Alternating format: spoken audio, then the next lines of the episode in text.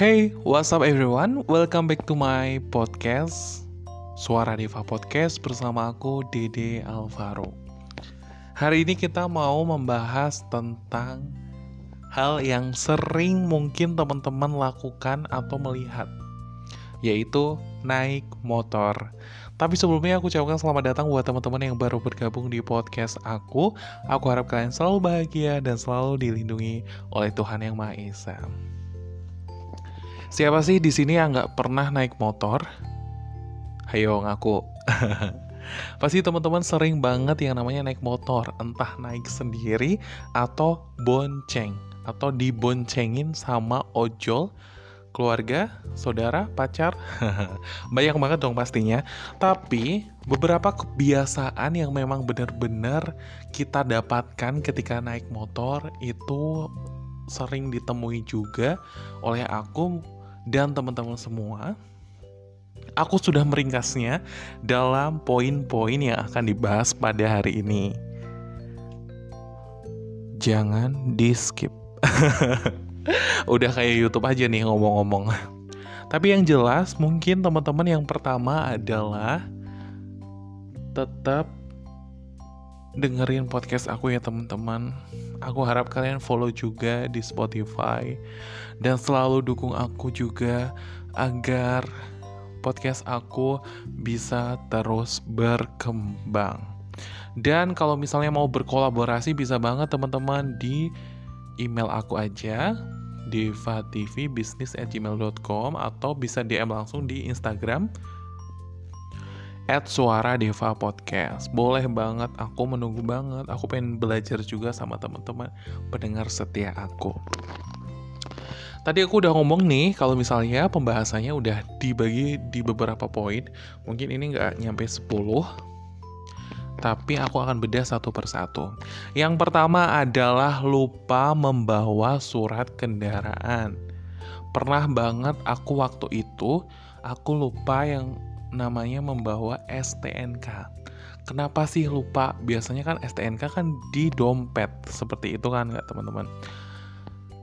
Jadi kelupaannya karena motor aku pernah dipinjam sama teman aku. Dia mau kayak misalnya dia pinjem ya aku mau ke teman aku nih di daerah sana gitu kan terus otomatis aku kasih STNK aku dong dia ini STNK-nya dia terus dia bawa terus pas dia ngembaliin motor aku lupa nih nanyain STNK-nya mana? Terus aku ya udah gitu. Temen aku juga pergi. Eh taunya pas aku jalan aku udah pede banget dong. Kalau misalnya ada polisi ya udah gue punya STNK punya SIM KTP udah jalan aja kan. Tahunya nih teman-teman aku kelupaan minta STNK dan itu ada polisi teman-teman di depan tapi untungnya dia bukan yang lagi ngecek lo punya STNK apa enggak nih gitu kan itu sih untungnya tapi aku pernah banget kejadian itu terjadi di diriku yang membawa STNK temenku. Jadi waktu itu aku sempat ada acara di Purwokerto, terus aku main ke teman aku nih. Otomatis aku nggak bawa kendaraan motor dong, jadi aku harus pinjam ke temanku. Ya udah deh, aku pinjam gitu kan. Terus waktu itu kalau nggak salah tuh aku sedang membeli oleh-oleh Terus temanku juga ada acara di kampusnya. Otomatis kita nggak ketemu kan, cuma kayak naruh motor. Eh kita ketemu kalau nggak salah di kosnya. Terus aku ngasih motornya.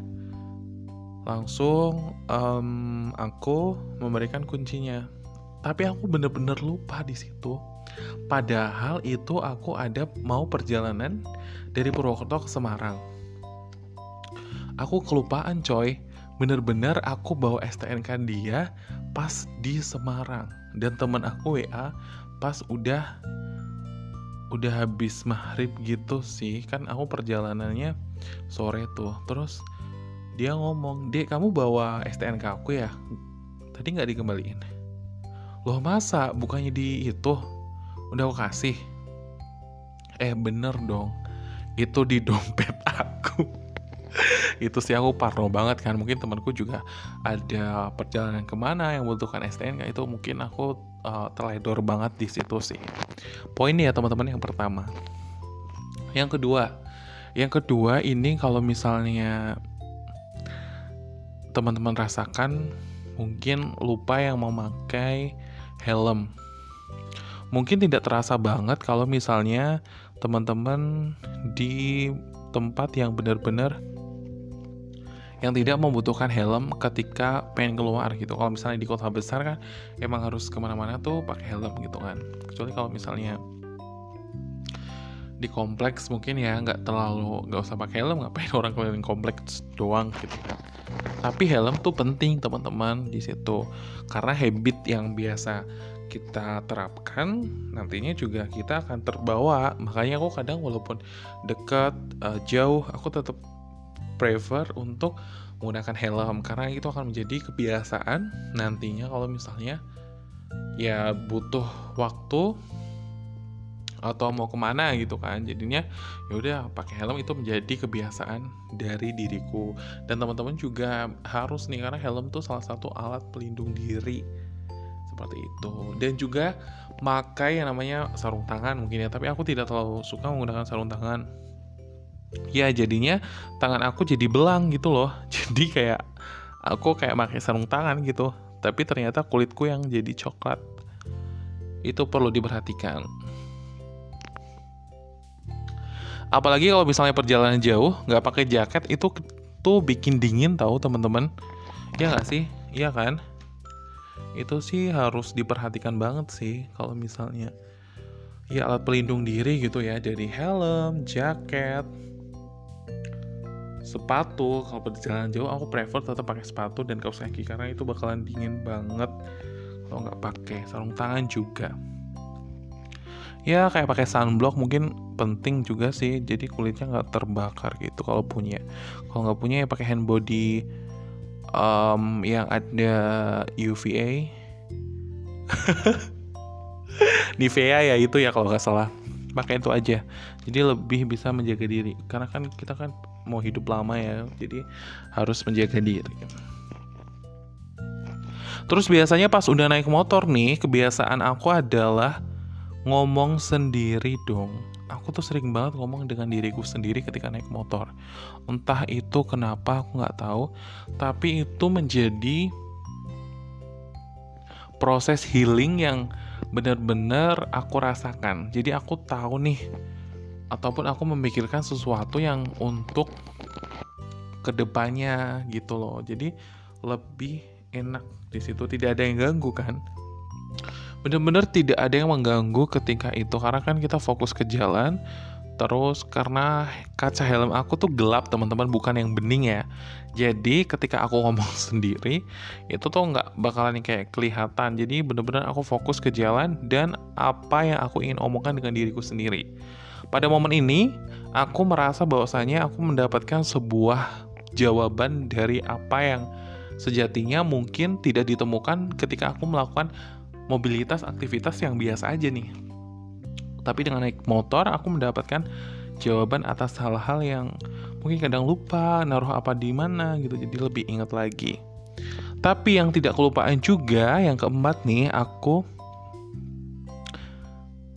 aku dengerin musik. Sering nggak teman-teman dengerin musik pas naik motor? Apalagi kalau misalnya perjalanan panjang, itu aku prefer dengerin musik sih. Tapi kadang bikin telinga agak sakit juga. Tapi mending milih musik-musik yang agak slow dan semangat mungkin ya. Jadi pas dengerin musik slow nih, kita lebih fokus kepada lebih memaknai nilai-nilai dari liriknya terus kalau semangat oh makin ngegasnya makin gaspol nih. Tapi tetap hati-hati ya teman-teman. Karena naik motor kan emang kendaraan yang ini sih beresiko menurut aku naik motor. Makanya kalau misalnya motornya rodanya 4 aku lebih pengen beli rodanya itu. Karena kan dia rodanya dua kan.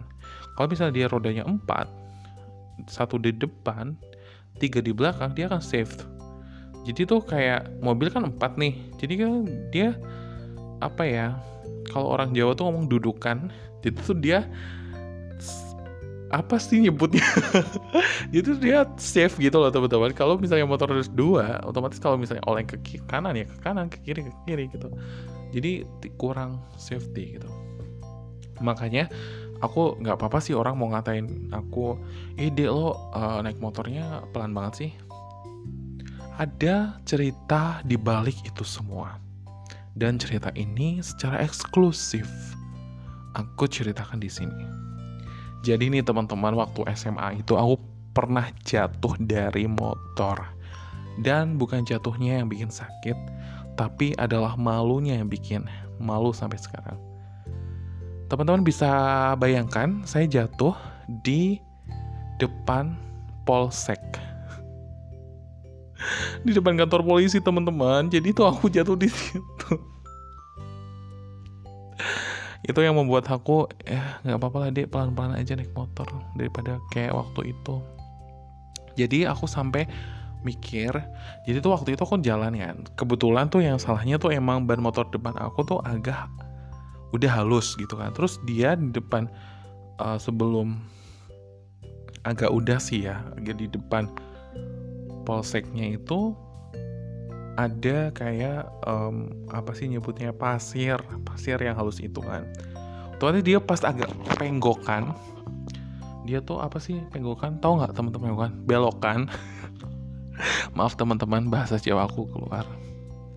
Kan dia dari jalannya tuh lurus gitu kan otomatis kalau mau belok kan agak di perlahan dan direm. Nah pas itu aku rem tuh ternyata rem depan. Aku sampai sekarang rem depan itu yang kanan apa yang kiri tuh sering lupa. Dan akhirnya aku jatuh dong. Terus aku lihat polisi tuh masih di depan pintu. Uh, kantornya. Otomatis aku nggak uh, nggak ngeh dong. Dia akan bantuin aku gitu kan. Eh taunya pas aku udah jatuh tiba-tiba dia yang nolongin gitu. Terus ada aku lupa sih ma, uh, siswa juga yang lagi jalan mau ke sekolahnya juga bantuin aku. Ya otomatis aku nggak inget dong. Eh aku ingat. Dia mau lo apa? Uh, aku ingat. Jadi itu dia di depan kantornya kan lagi kayak kayak tarik nafas keluarkan gitu kan. Eh tiba-tiba dia nolongin aku dan aku nggak ngeh dia udah dibantuin aku gitu loh. Otomatis aku kayak terhenti se sepersekian detik gitu kan Nah, aku takutnya kebablasan itu yang membuat aku takut ketika naik motor cepet-cepet. Dan juga itu yang membuat aku memang kurang suka kalau misalnya diboncengin sama teman yang membawa motornya cepat sekali. Gak tahu kenapa. Lebih menjaga diri aja sih ya, karena kan udah di masa pandemi seperti ini, kalau misalnya kita jatuh dari motor kan nambah biaya juga gitu kan makin takut kan. Makanya safety diri itu penting banget. Ya biar kita sadar diri juga sayang sama diri kita. Ngapain dijatuh-jatuhkan gitu kan. Nggak ada yang pengen kayak gitu. Berdoa juga sih teman-teman itu yang akan membantu kita dalam perjalanan kita. Jadi kita selalu ingat sama Tuhan gitu kan bahwa kita ingin dilindungi di perjalanan kita Selanjutnya yang tidak kalah penting adalah kadang aku juga lupa ketika hujan gak bawa namanya jas hujan serta sendal. Sandal itu penting banget untuk menjaga kita sih. Karena kalau misalnya perjalanan dekat terus hujan, terus kita kayak misalnya karena aku lagi magang gitu kan perjalanannya sih cukup dekat ya 15 menit tapi kalau misalnya hujan kan sama aja ya baik kita udah bawa laptop bawa um, hal lain juga mungkin bawa kamera itu kalau misalnya kehujanan kan sangat disayangkan banget gitu kan teman-teman. Jadi perlu di cross check lagi nih misalnya kalau pas mau berangkat biar tetap terjaga apalagi kalau misalnya pakai sepatu. Ya tau lah ya sepatu kantor kalau kehujanan kan agak kalau udah kering kan kalau nggak kering kan bau gitu nggak sih teman-teman? Pernah nggak teman-teman kayak mengalami kayak sepatu pantofelnya hmm, basah. Terus tetap dipakai terus pasti ini uh, agak bau gitu kan malas banget kan ya teman-teman. Jadi sangat perlu banget untuk membawa jas hujan sama sandal. Itu penting banget. Ada fakta menarik juga teman-teman ketika aku membawa motor di tempat orang atau di kota orang gitu kan. Kadang tuh aku sering nerobos aja nih lampu merah. Saking nggak kelihatannya teman-teman. Dan kalau misalnya jalanannya itu sepi. Karena kan biasanya kan lampu merah kan dia ada di perempatan ya. Aku lupa tuh kalau di perempatan itu selalu ada lampu merah kalau misalnya di kota. Karena jalannya itu lurus, otomatis kan kayak cepet gitu kan cepet gitu kan kalau orang Jawa ngomong banter dari jalan lurus itu eh taunya lampu merah dong itu aku pernah tuh.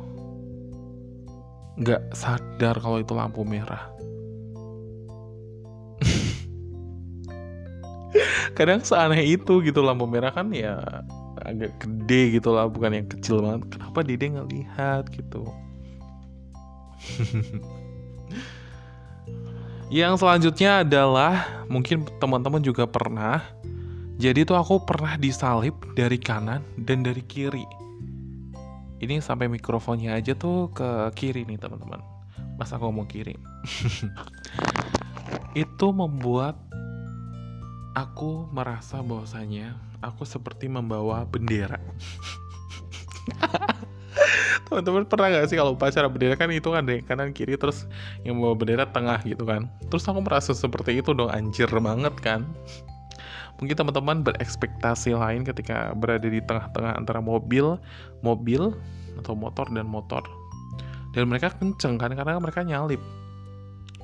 Dan kebetulan tuh jalannya agak lebar jadi mereka bisa kayak nyalip dari kanan dan dari kiri atau mungkin karena aku saking excited banget jadi aku mungkin agak di tengah jalan dan mereka sepew itu untuk menyalip diriku yang sedang mungkin ngobrol sendiri atau mendengarkan musik dan aku merasa upacara bendera pada hari Senin dan gue bawa bendera itu dong